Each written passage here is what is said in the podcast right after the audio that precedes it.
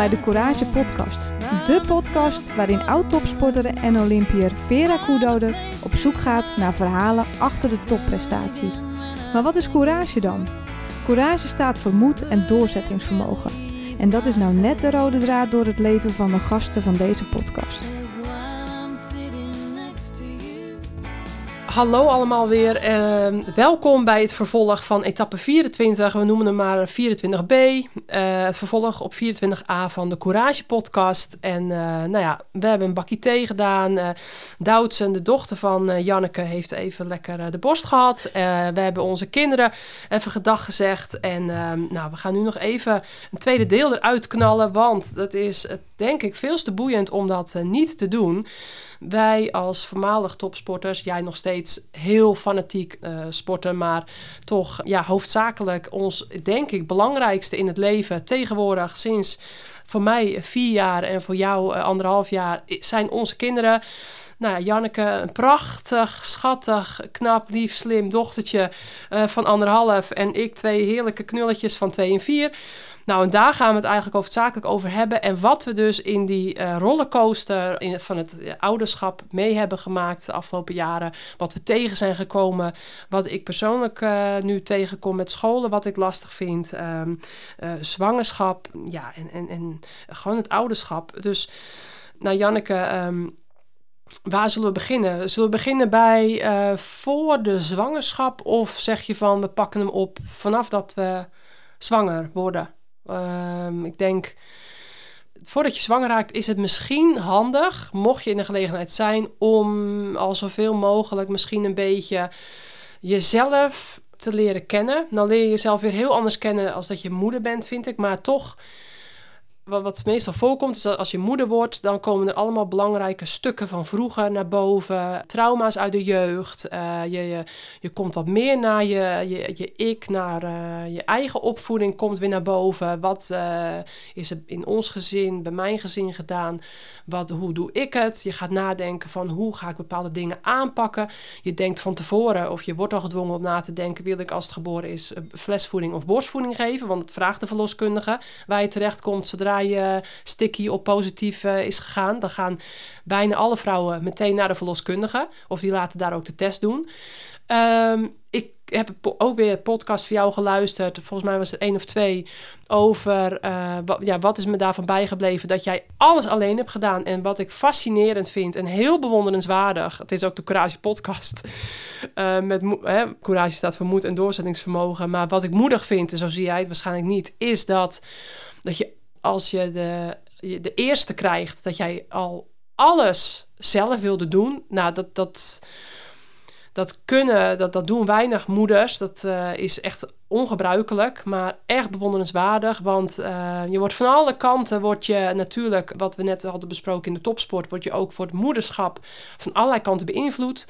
Dan moet je stevig in je schoenen staan, wil je daar niet door afgeleid worden. Dus wat dat betreft, wat ik net zei, ja, jezelf al een beetje leren kennen en al ja, proberen een soort van compleet mens te worden. Dus, dus dat is. Um, denk ik wat jij hebt gedaan heel leerzaam. En, uh, en om het daarover te hebben. Je hebt een lotusbevalling gedaan, wat niet heel gebruikelijk is, wat ook niet besproken wordt bij verloskundige praktijken. Uh, wat ik ook heel, heel erg mooi vind en waar ik zelf achteraf spijt van heb in mijn eigen twee bevallingen, dat ik geen uh, halve of hele lotusbevalling heb gedaan. Ja, dus ik, ik hoor ook graag jouw bevindingen daarvan, om ook moeders daarvan bewust te maken. Vrouwen die nog uh, al een kind hebben, maar misschien meerdere kinderen nog willen krijgen of die uh, een kinderwens hebben. Maar eigenlijk, um, er zijn ook heel veel vrouwen die hebben moeite met zwanger worden. En daarvan denk ik dan, wat we dus net in uh, etappe 24a hebben besproken. Als je dus gezond eet, gezond leeft, je hormonale balans goed op orde hebt, dan um, over het algemeen, geen anorexia, niet een eetstoornis dan over het algemeen ben je behoorlijk vruchtbaar en kun je binnen nu een half jaar kun je zwanger worden.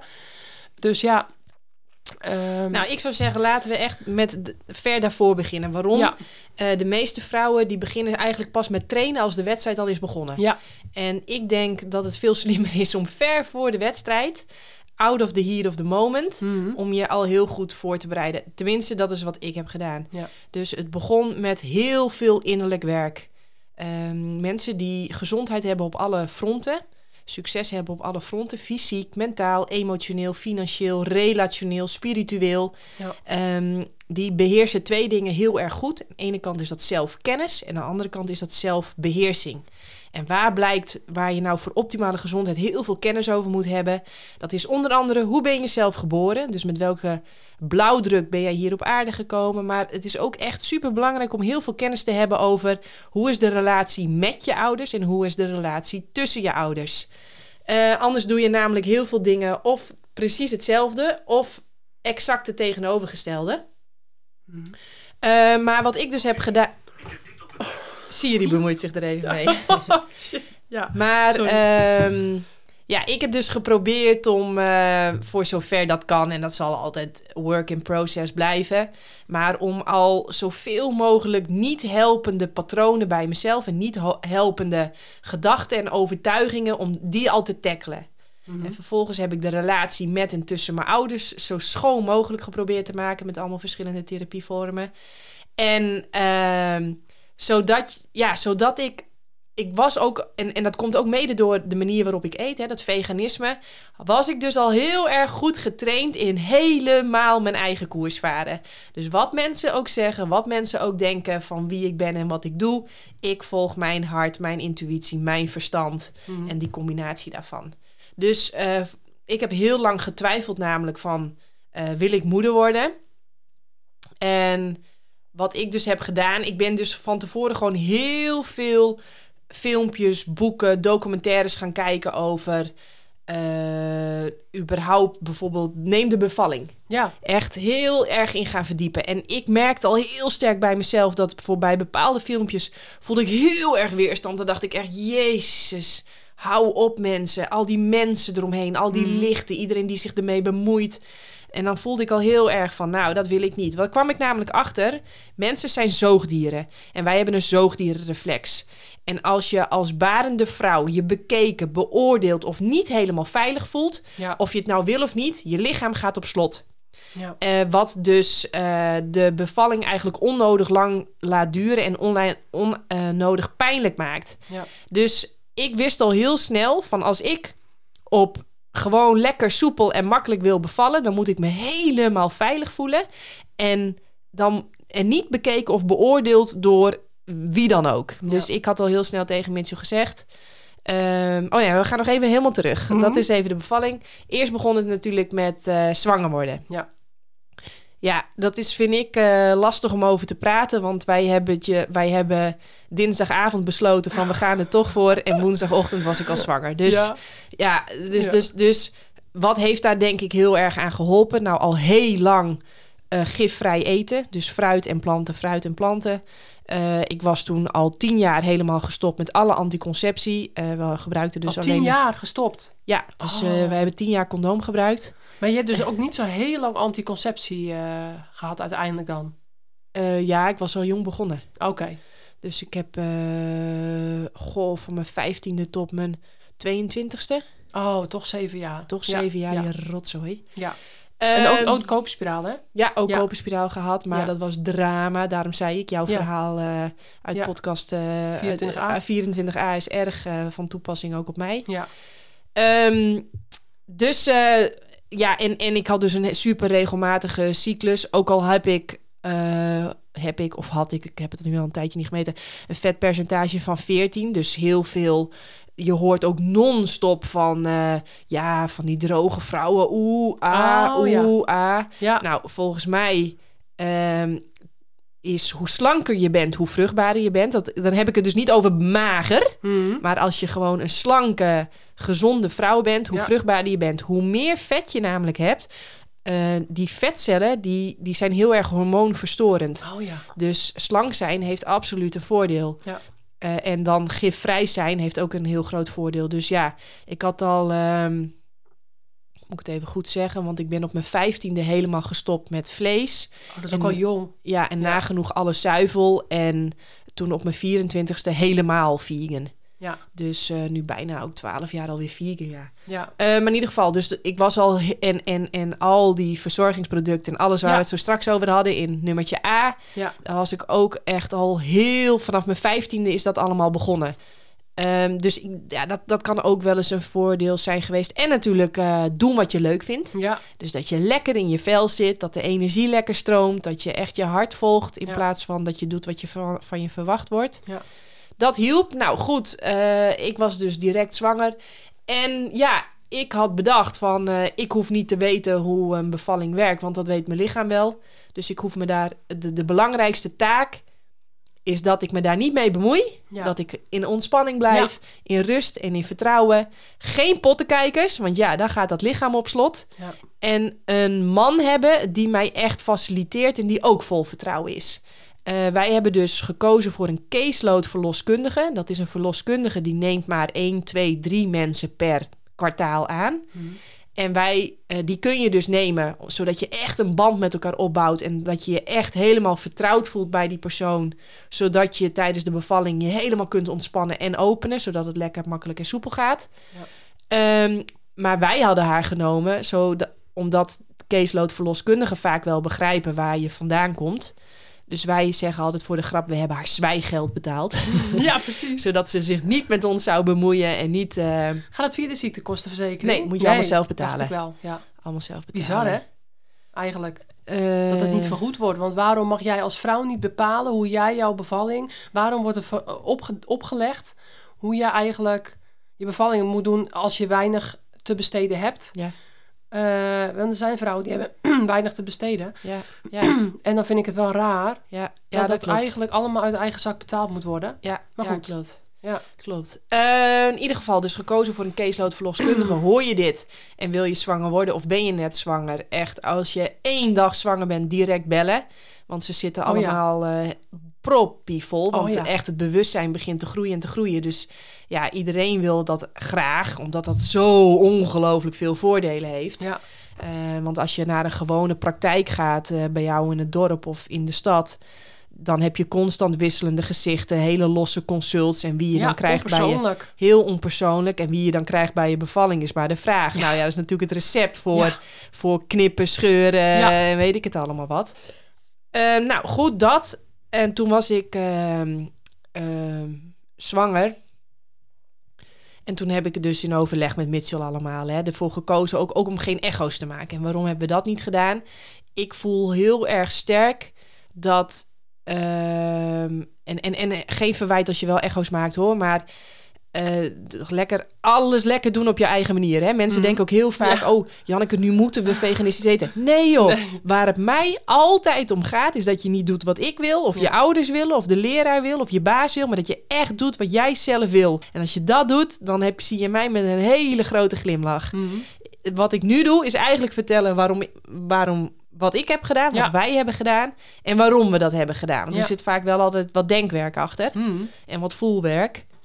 Ehm, maar dus gekozen om geen echo's te maken. Waarom? Echo's in mijn beleving, in het gunstigste geval zijn ze misleidend. En in het slechtste geval zijn ze schadelijk. Oh ja, En dat, en dat, dat dat heb ik me hoor. ook altijd afgevraagd, ja. En dat hoor. Dat, en als ik om me heen kijk.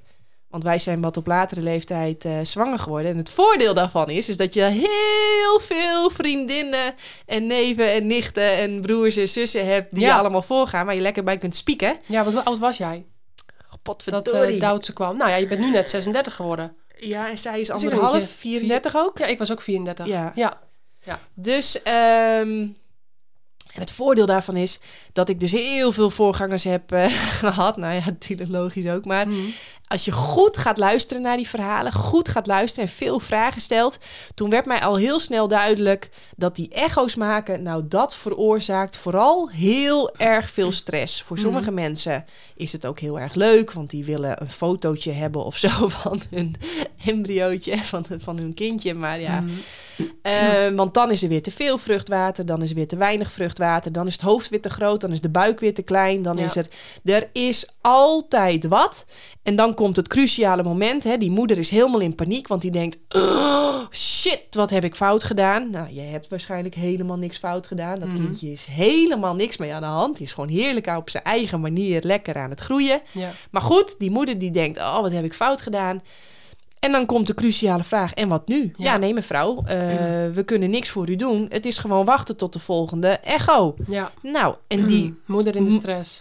dat moment tot die volgende echo, ik hoor, ik zie non-stop om me heen, dat is killing. Mm. Je kunt niks, je wil het zo ongelooflijk graag goed doen. Ja. Je weet niet wat je moet doen.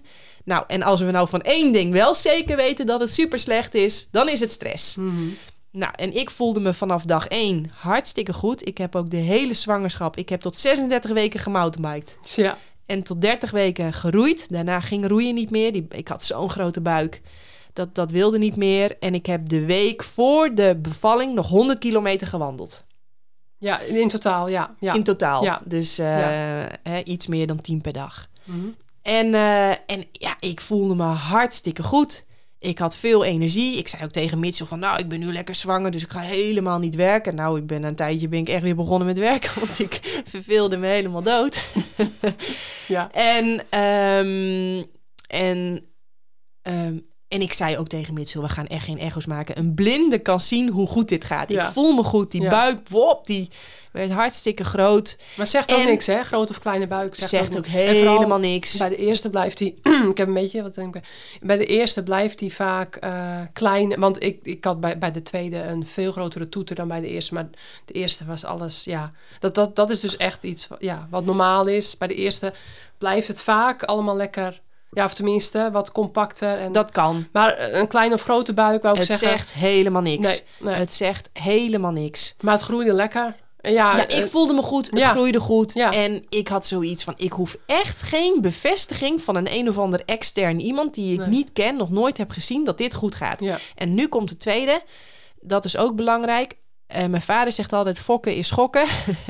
en dat is het ook. Wij waren beide echt helemaal bereid om dat zieltje, wat Ja. voor ons heeft gekozen, om dat op iedere manier te ontvangen. Mhm. Dus ja, wij hadden ook zoiets van. Fokken, fokken is gokken, ja. Ja, nou Ja, dat je ja. daar. Ik ken ook mensen die zeggen: ja, ik wil wel kwaliteit van leven houden. Dus als wij ontdekken dat het een, een, een kindje is wat niet levensvatbaar is, of helemaal, dan laten we het gewoon weghalen.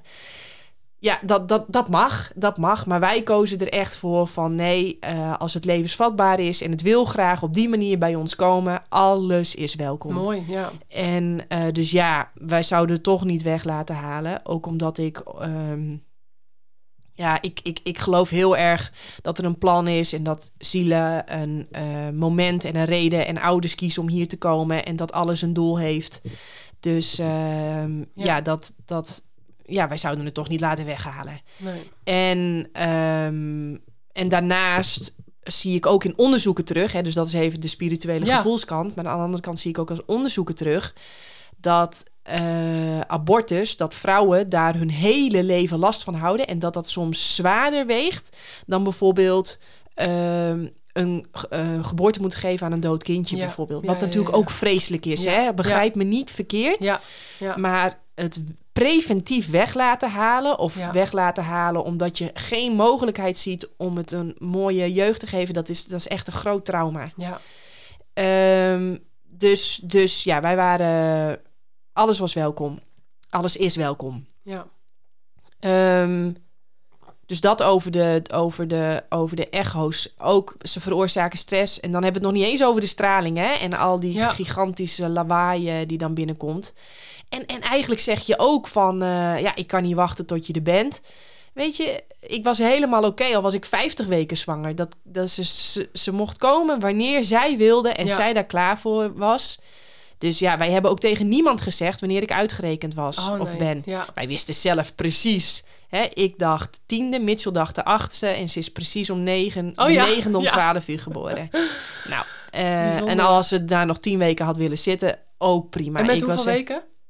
Eh, ze is precies, precies op de... 40 weken ongeveer. Ja, dat vind ik dus stom, 40 weken. 40 weken, maar De uit, ja, het was ongeveer 40 weken. Ja, Ja. ja, ja, precies. En een dikke 4 kilo en hartstikke, hartstikke gezond en direct.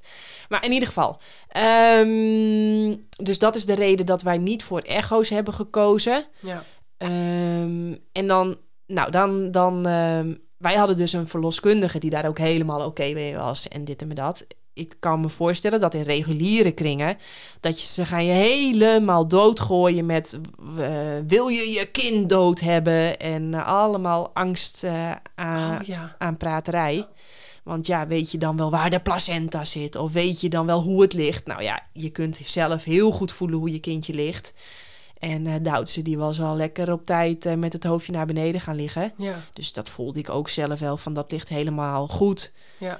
En ehm, ja, dus dat is even een belangrijk ding. Oh ja, voordat ik het vergeet, ik heb hier twee podcasts over gemaakt. De ene Ja. is met moeder worden, met Ja. Nicky en Kitty. Eh, de moeder worden podcast, als je dat intypt in mijn naam, dan vind je die wel. En die andere die ik erover op heb genomen is met Michelle Tenberge. Ja. Eh, Dat dan is zo'n vroe- vroedvrouw. caseload verloskundige, ja, Ja, of ja. caseload Ja. vroedvrouw. Nou, dat. Ja, d- en, ja, eh, dat is wel echt, eh, inderdaad, die heb ik ook geluisterd, allebei. En dat is wel, ja, dat, dat ik met terugwerkende kracht echt dacht van, oh... ja, ehm, maar je hebt het met de kenniskunde en ja, die toen, dan heb je het maximale eruit gehaald. Ja, ja. En eh, ja, zo gaat dat. Nou, vervolgens begon die... oh ja, heel veel documentaires gekeken, heel veel boeken gelezen. En toen begon de bevalling en ik had één documentaire gekeken en daar stond in eh, spiraling. Eh, je hebt nu Oh ja. anderhalf uur naar een documentaire gekeken, maar als je alles bent vergeten, onthoud dan één ding, spiraling. En het spiraal is natuurlijk de beginvorm van alle vormen. Alles in de natuur is spiraalvormig. Dus dat klikte ook direct bij mij. Ik dacht ja, tuurlijk, logisch. ja. En eh, dus al, iedere keer als er een week kwam, dan ging ik lekker spir spiraling doen. Even met de heupen zo lekker Oh ja. rondjes draaien. En ja, dat ging hartstikke... Tenminste, ik vond het goed te doen. Ik dacht, ach, als dit nog een weekje duurt, dan, eh, dan trek ik dat wel prima. ja. Dus ik was helemaal alleen met Mitchell. Lekker in onze eh, slaapkamer, badkamer. Niemand aan onze kop. Niemand die zich mee bemoeide. Niemand die ging voelen over hoe ver je bent. Want wat een fucking fabel is dat. Iedere vrouw heeft op haar eigen manier en op haar eigen tempo en op haar alles unieke eigen manier ontsluit die. Daar is, Mhm. valt helemaal niks over te zeggen. Dus al dat gevoel, als ik voel en jij voelt, zullen wij ook, zal ik bijvoorbeeld zeggen drie centimeter en jij vijf. Het slaat ook nergens op. Je hebt er niks aan. Je gaat van je gevoel in je hoofd. Je wordt uit je flow gebracht. Een Ja. wild vreemde zit met zijn vingers in je poes te peuren. Nou, bij mij niet gezien.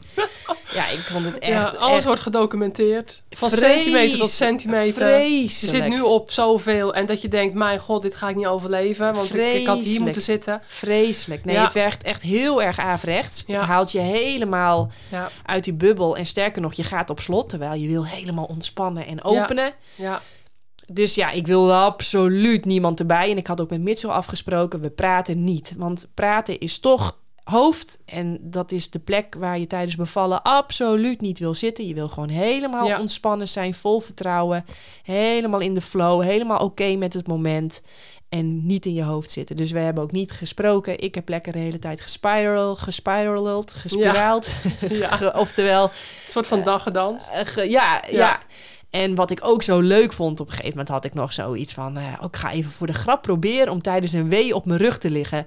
Nou, vreselijk. Ik snap dat vrouwen pijnbestrijding vragen in het ziekenhuis. Want als je vastgelegd wordt op je rug, je wordt gek. Ja, hier zit er een, ja. Je wordt gek. Je Ja. wordt helemaal wild. Je wordt helemaal gek. Terwijl Ja. als je gewoon mag bewegen op je eigen manier... en de hele tijd met je heupen mag wiegen... is het, vond ik het prima te doen. Ja, Het was ook maar heel kort. Het was eventjes, hop, dan kwam het. En als je dan direct gaat spiralen, gaat wiegen met je heupen, hè, doen, doen alsof je Shakira bent, dan zakte het direct weer af.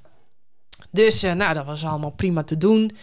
En eh, nou, tegen het einde werd het wel, had ik wel zoiets van, wow, hoe moet ik me nu houding geven? Zo, ze vliegen elkaar in de haren. en eh, ehm, dat, was, dat vond ik wel... dat vond ik, eh, nou, dat was, dat was wel pittig, maar ook wel weer te doen. ja, Want het is ook iedere keer maar heel kort. Het is alsof je even, je moet eventjes een heel, heel kort sprintje maar doen en dan mag je al best wel lang weer rusten. Op een gegeven moment werd bij mij de rust wel heel kort. Het lichaam Mhm. dat gaf goed gas. en eh, toen op een gegeven moment, want we hadden ook de hele tijd al een bad. Ja. En ik ben niet van het in bad gaan. Ja, een ijsbad. Mhm, ja, precies. maar eh, verder, eh, nee, ik heb niks met in bad gaan. Maar toen op een gegeven moment had ik toch ineens dat ik wel in bad wilde. En ik ga in bad zitten en er komt een perswee. Want dat is ook zo leuk. Die vraag krijg ik ook heel vaak. Hoe weet je dan wanneer je moet gaan persen? Ja, nou, dat- ja nou, dat, dat zegt je lichaam. Ja. Nou, dat hoef jij niet te Nee, weten. Tijdens bevallen hoef je helemaal niks Dat te doet je weten. lichaam. Je lichaam perst en je Ja. hoeft echt niet mee te gaan zitten stinnen of persen. Want daar krijg je alleen maar aanbijen van. En dan ga je van uitscheuren. Het heeft geen zin. Je lichaam perst zelf. De drukkracht van je baarmoeder is iets van 30 kilo. ja. Nou, je kind is maar eh 4, 5 kilo, 3,5 misschien. Dus daar hoef je je niet mee te bemoeien. En inderdaad, ik ging in dat bad zitten en mijn lichaam die komt met een perswee. En hop, daar had ik het hoofdje al. ja. Dus dat was, eh, dat was ik. Dus ik heb, ook, ik heb ook letterlijk tegen mensen gezegd: Ik heb het hoofdje al. Ik was zo verrast. Ja. Ik dacht echt, dit moet nog een weekje duren, Ja. weet je wel. Of, Ja. of nou, niet een week, dat is overdreven. Maar ik dacht, ja, dit duurt misschien nog wel hartstikke lang, weet ik veel. Ik was helemaal oké. Ik was gewoon stoned van de hormonen. En, Ja. Nou, en toen de volgende perswee daar was ze. En ze keek mij ook direct echt aan. Zo van, hallo, daar ben ik. Mag ik alsjeblieft even wat drinken? En dat is leuk dat ik nu bij jou zit. Want in die vorige twee podcasten heb ik niet verteld wat ik fout heb gedaan. En ik heb twee fouten gemaakt. Ja. De eerste fout is ehm, dat eh, ik ben in dat bad gaan zitten en ik, ik, ik heb alleen maar naar Duitsers zitten kijken. Ik vond het zo grappig wat ze deed en hoe ze deed. En ik heb alleen maar gezegd, oh, wat ben je mooi, wat ben je mooi, wat ben je mooi. Ja. En toen kreeg ik een perswee en toen dacht ik, nou, nu moet die Ja. placenta wel komen, Ja. toch? Maar die kwam niet, dus ik heb er even lekker aan getrokken. Nou, dat moet je Oh. niet doen. Nee. Nooit aan die navelstreng trekken. Nee. Eh, want ik heb het idee dat ik daarmee een beetje een... ehm, ja, als, Ja. Als, alsof je een, zo'n zo'n velletje bij je nagel eraf gaat trekken. Dat moet je niet doen, want Nee. het gaat bloeden. Ja. Dus daardoor heb ik denk ik wat bloed verloren... wat als ik daar niet aan had getrokken, eh, niet was gebeurd. En eh, de tweede fout die ik heb gemaakt... je bent zo stoned van de hormonen...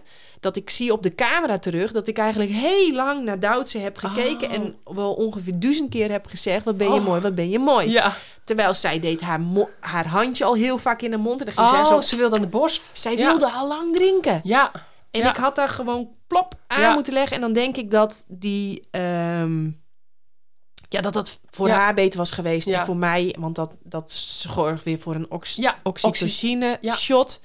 Waardoor die placenta lekker makkelijk loslaat. Ja. Eh, want op een gegeven moment dacht ik van... Oh, ik had ook tien keer tegen mensen... Oh, grappig, kijk, ze wil al drinken. Oh, grappig, Ja. kijk, ze wil al drinken. Ja. Maar ik zie het en ik Ja. handel niet. Nee. Dus dan was het handig geweest als Mitchell even hup, kind aan de borst. Precies. Ehm, Toch wat meer in de verloskundige rol.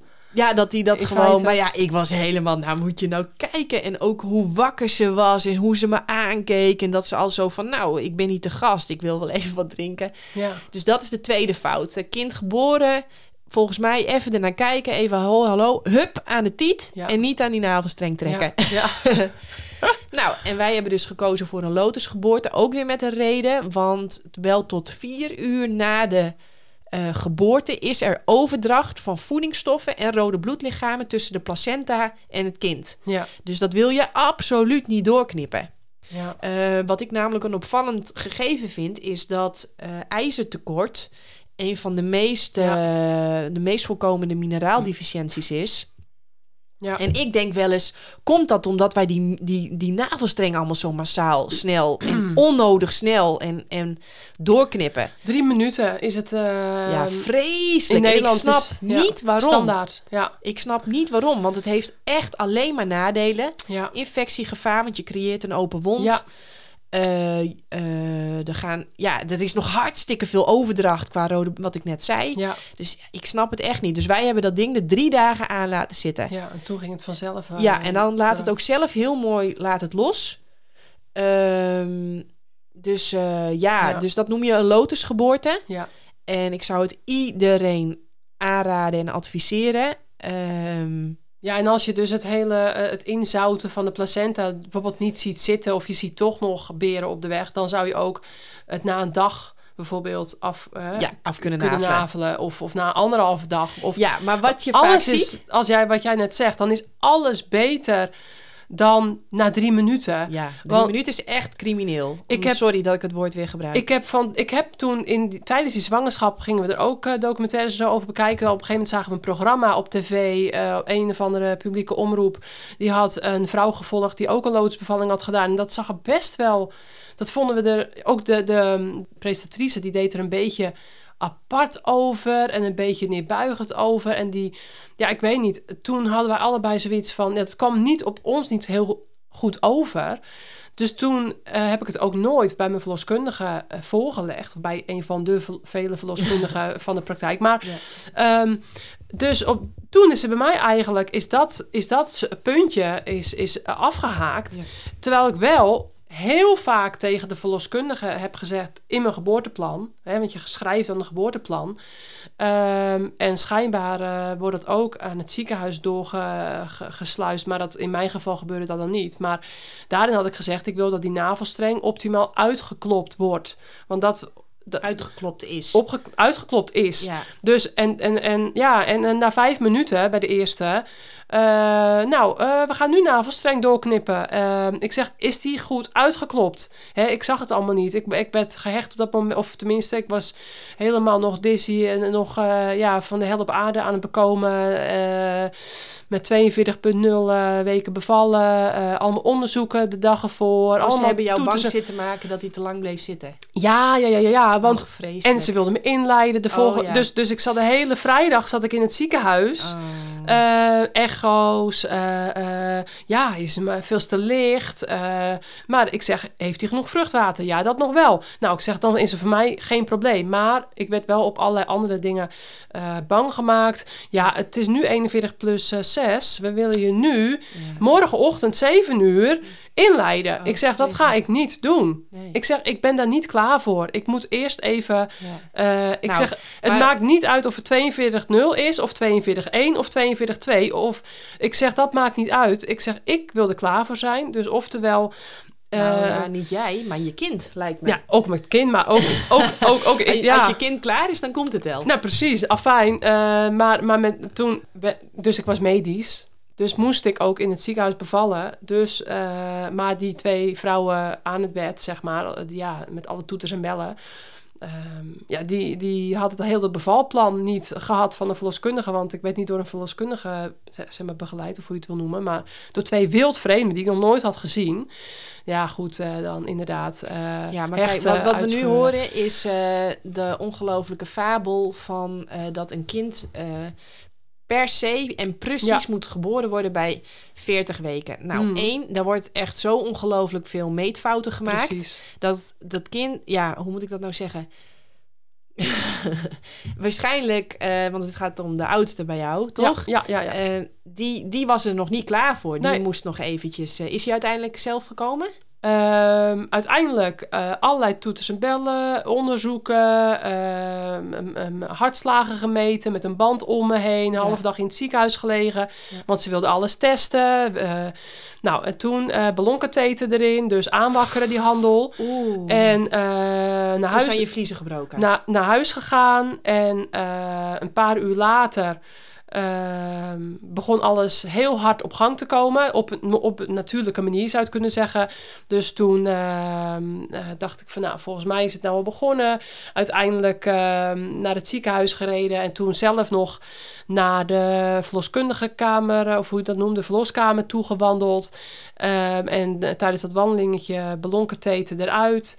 Eh, dus toen was alles, eh, ja, het is een soort van inleiding, maar niet met, eh, met de troep via je arm of zo. Dus niet synthetisch, maar wel, eh, ja, aangewakkerd. Hè, zodat je dus 1 centimeter krijgt om te kunnen bevallen of om een dag later te kunnen inleiden. Daar is zo'n ballonkatheter voor bedoeld. Dat ze je dus kunnen inleiden dat je 1 centimeter krijgt.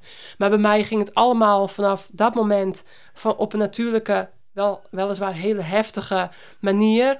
Eh, maar dan ben je dus medisch en dan ja, moet je dus in het Ja, ziekenhuis... je moet helemaal niks. Het woord moeten. Nee, dat wordt je opgelegd.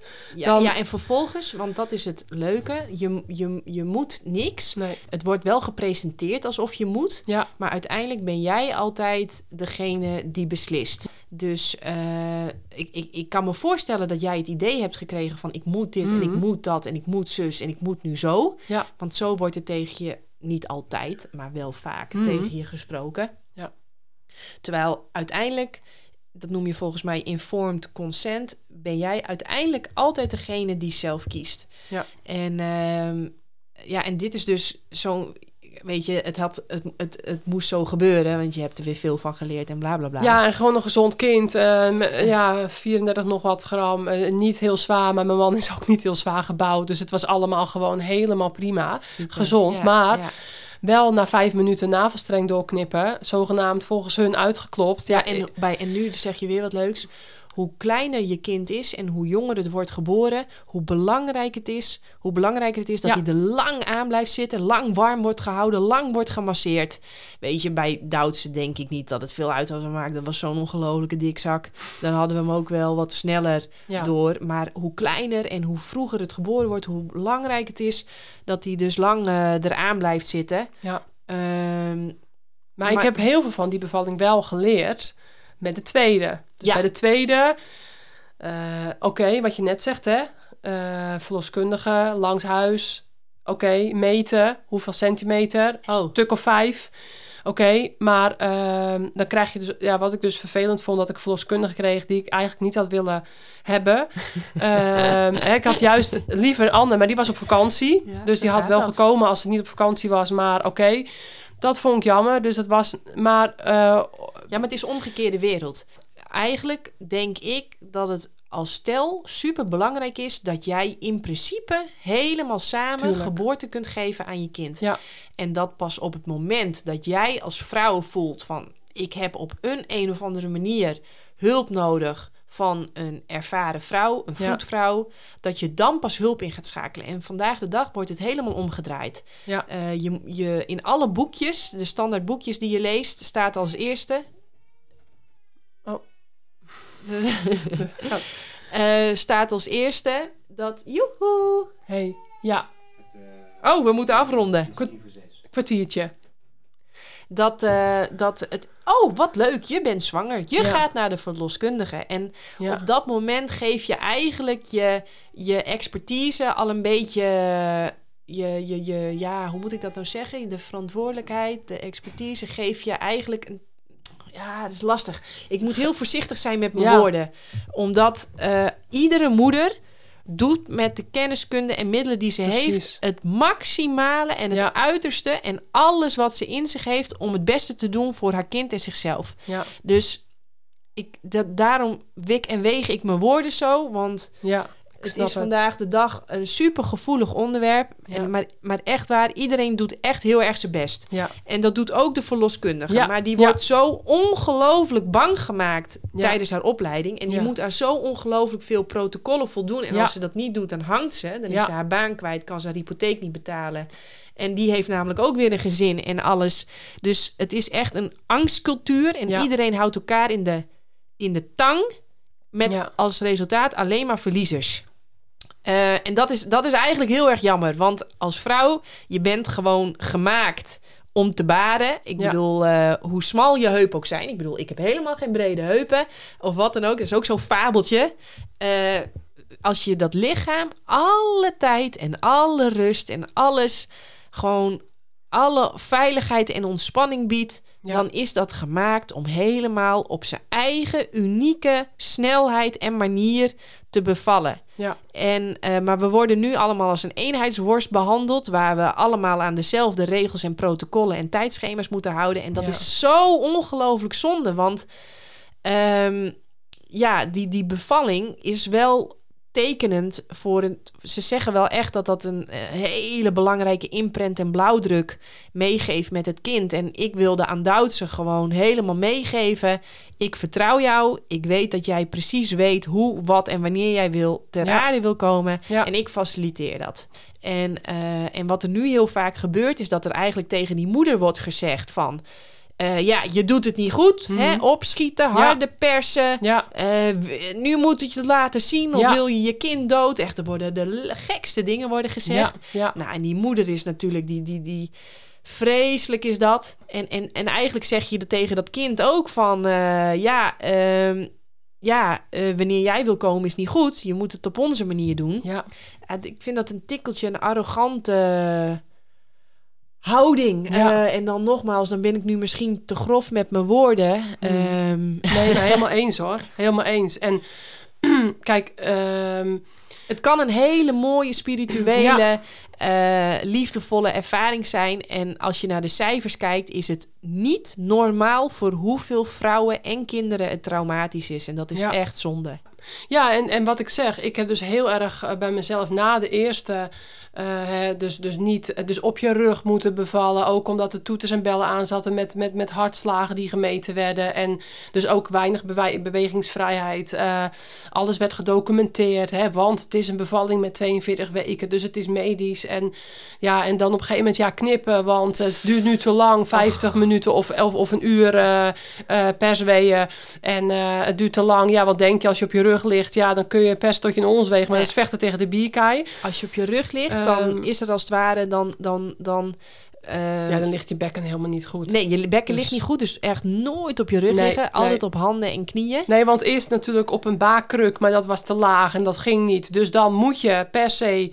Hè, moest ik dus op dat bed. Nou ja, het zal wel, want zij hebben ervoor gestudeerd. Oh ja. Maar, uh, en natuurlijk heel veel pottenkijkers. En het was heel licht. En er waren allemaal...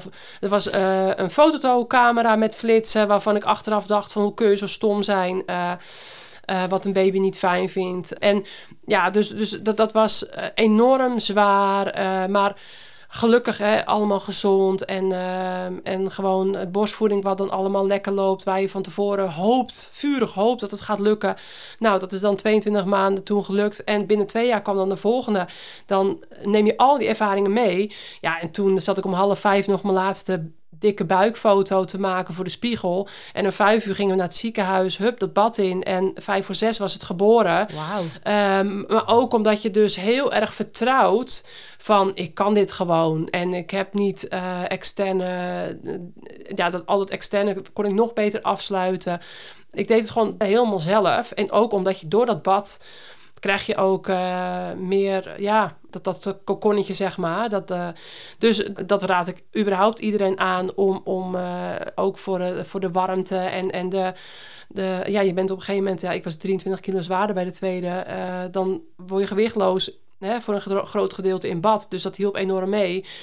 En eh, sowieso schijnt het natuurlijk, hè, je lichaam heeft al een keer meegemaakt, dus die weet ook wat het moet doen. Dus met 41 weken, hele gezonde uh, pop. Maar dat ging zoveel, hè, met al die ervaringen, ging het zoveel beter. Maar daarom, wat ik in het begin al zei, vond ik het zo knap hoe jij al bij de eerste al, al die keuzes zo uh, bewust, maar ook juist onbewust naar je gevoel en dat is wat, wat ik heel veel vrouwen wil meegeven om, om uh, zo je eigen pad proberen te bewandelen. Um, erop vertrouwen dat als andere moeders zeggen van het, je, je lichaam neemt het over, je, je hoeft niet na te denken, uh, het gebeurt gewoon. En uh, ja, ik zou het zo compleet ook dus, want de tweede wilde ik ook weer, had ik erop gehamerd, uitkloppen, de navelstreng. Nou, na 15 minuten hup, werd het weer tijd volgens de verloskundige om hem af te uh, navelen.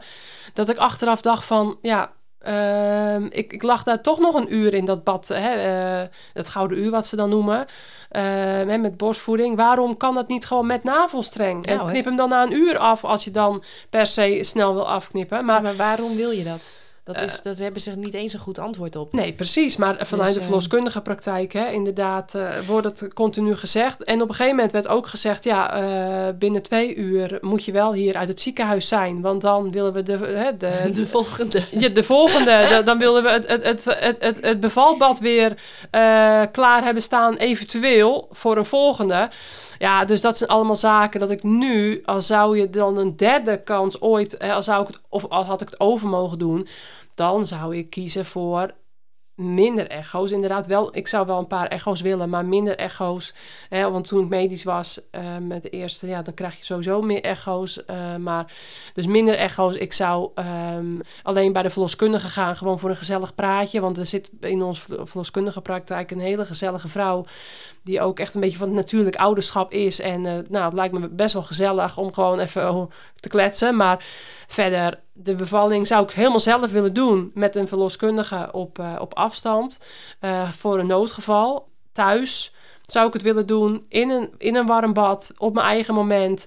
En eigenlijk, dus dat is, eh, dan zou het echt van, van, ja, weer heel anders gaan bij de, dan bij de eerste twee. En, en sowieso die navelstreng minstens een dag laten zitten. Dan zou ik nog na moeten denken van, goh, zou een half of een hele lotusbevalling willen doen. Maar eigenlijk, ja, alle onderzoeken, die, uh, die denk ik, die spreken voor zich dat het altijd beter is om het zo lang mogelijk te laten zitten. Ja, want we hebben het nog niet eens over het spirituele aspect daarvan Precies, die verbinding tussen moeder en kind. Dus de, en, en, ja, maar ook weer kind en uh, placenta. Ja, want daar heeft het negen maanden aangezeten. Ja, ja en uh, ja, dus...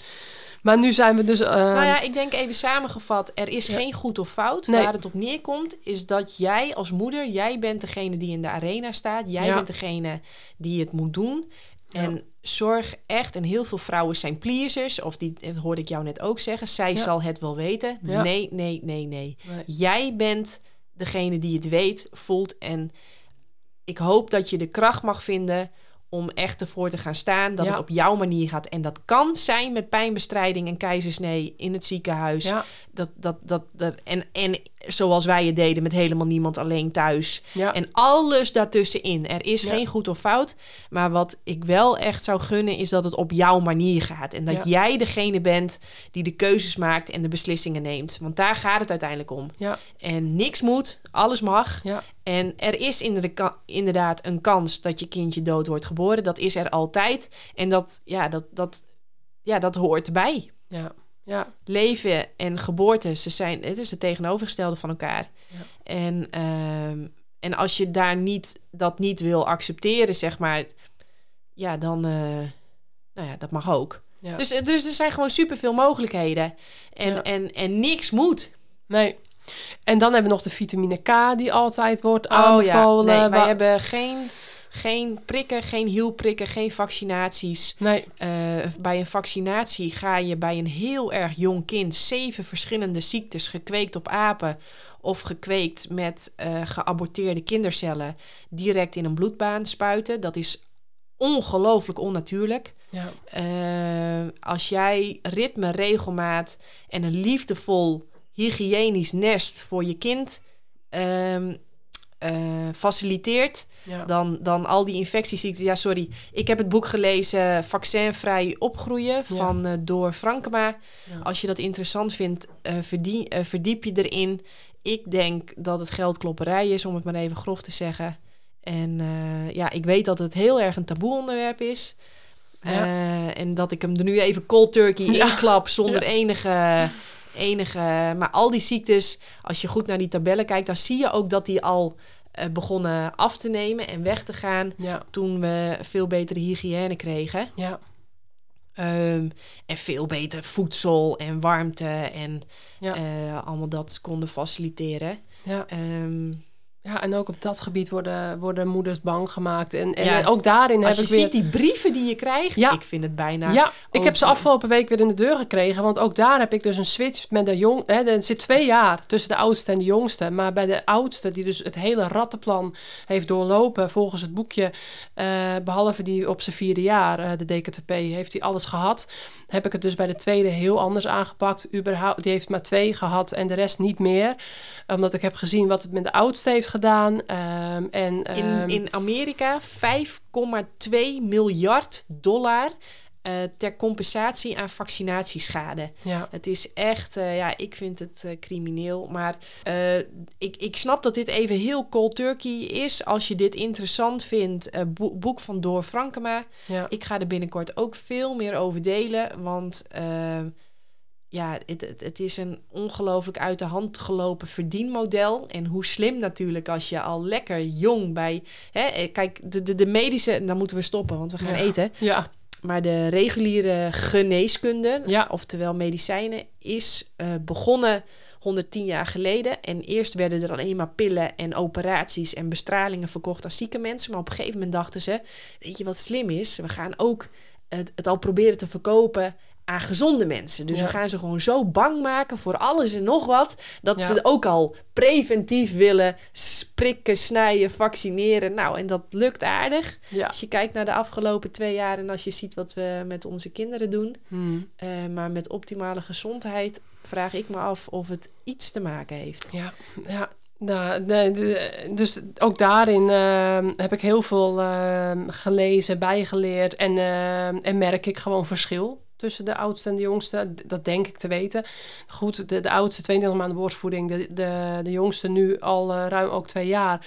Dus dat vind ik fijn dat die op die manier wel een goede start hebben. Maar uh, vind ik het ja, achteraf gezien jammer dat ik te, op de eerste plaats te jong de oudste dus de vaccinaties gegeven. Want je, als je dan uh, per se wil vaccineren, dan zou ik het dan na twee jaar doen. Of helemaal niet natuurlijk. Hè? Ja, helemaal niet. Maar uh, na twee jaar is het denk ik, of wat ik heb gelezen en gehoord en uh, de achtergrond, is dan na twee jaar in ieder geval minder schadelijk, omdat dan het immuunsysteem van een kind vrijwel uh, vol, volmaakt is, volgroeid is, of, of in ieder geval veel sterker is dan als het nog een heel jong babytje is. dus dus dat, dat als ja, dan nog ga je ziektes direct in de bloedbaan spuiten, terwijl uh, in een natuurlijke situatie komt een bacterietje of een, iets anders komt altijd binnen via je slijmvliezen. Hè? Ja. Je ogen, je neus, je mond of uh, je kont en of alles daarbij. Ja. En dus hoe dit toegediend wordt, ja, dat, dat staat al haaks op hoe zoiets natuurlijk zou gaan. Daarnaast krijg je in de natuur nooit zeven verschillende ziektes nee. tegelijkertijd. Nee. Dus het, het is nee. echt...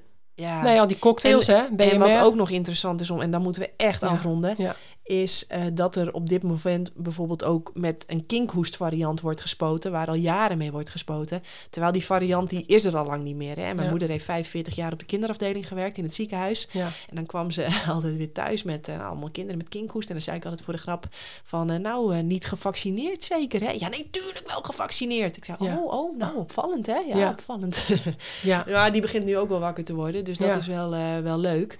Eh, dus dat. Ja, eh, ook Interessant onderwerp. Ja. Eh, daar hebben we nu eigenlijk te kort Ja. over gesproken. Ja, zouden we misschien nog een keer moeten doen. Want ik denk dat bewustwording op dit onderwerp ook heel belangrijk is. En ook hier is geen goed of fout. Het is het gevoel van de moeder, maar je bent wel verantwoordelijk voor eh, de gezondheid van je kinderen. En dus heel veel moeders denken er niet over na. Eh, die gaan uit van dat wat dit opgedragen wordt, dat dat ook echt die doen met alle goede bedoelingen.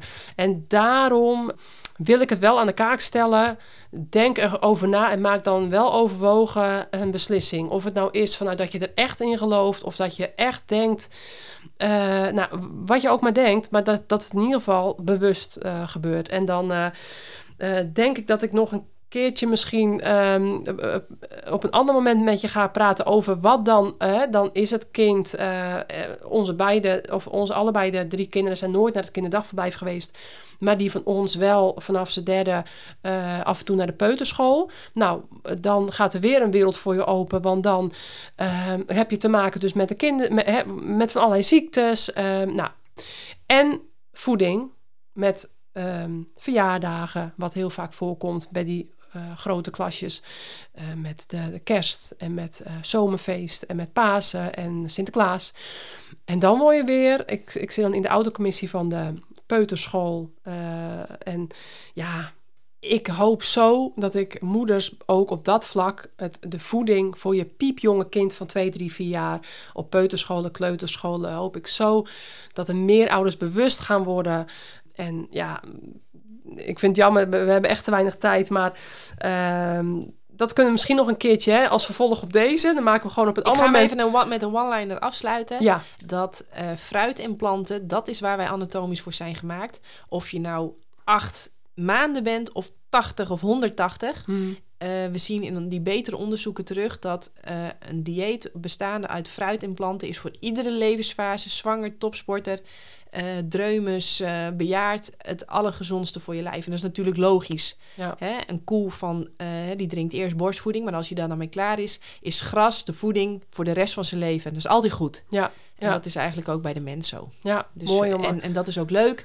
Kinderen willen ook bijna geen groente eten. Dat is logisch. Groente is zo gezond omdat het eigenlijk een beetje giftig is. Maar ze willen heel graag en veel fruit eten. ja. Nou, en dat is natuurlijk niet voor niks. Nee. Nou, eh, Janneke, eh, nogmaals bedankt voor je komst. Eh, Heel erg bedankt voor je uitnodiging, al je vragen, je voorbereiding. En super. Ja, En nu mag ik mee eten en heb ik vet veel zin in. Ja, en bedankt voor je lekkere fruit. En nou ja, we gaan hopelijk nog een keertje dus verder praten als het uitkomt. En dan kunnen we nog even de peuter- en kleuter- en kindfase misschien meenemen. Of een van de andere onderwerpen die ons allebei heel erg boeit. Ehm, nou, dankjewel. Dankjewel. En En, eh, eh, luisteraars, bedankt voor het luisteren. Ik hoop dat jullie er eh, wat van opgestoken hebben. Eh, schroom niet om ons een berichtje te sturen. Of Janneke, je kunt Janneke van de Meulen.nl bereiken. Daar kun je blogs, blogs lezen op jannekevandermeulen.nl of eh, Instagram Janneke van der Meulen of Vera Koedode. Nou, dan ehm, was dat hem. yes. Tot de volgende. Tot de volgende. Dankjewel. Yes. Bye-bye.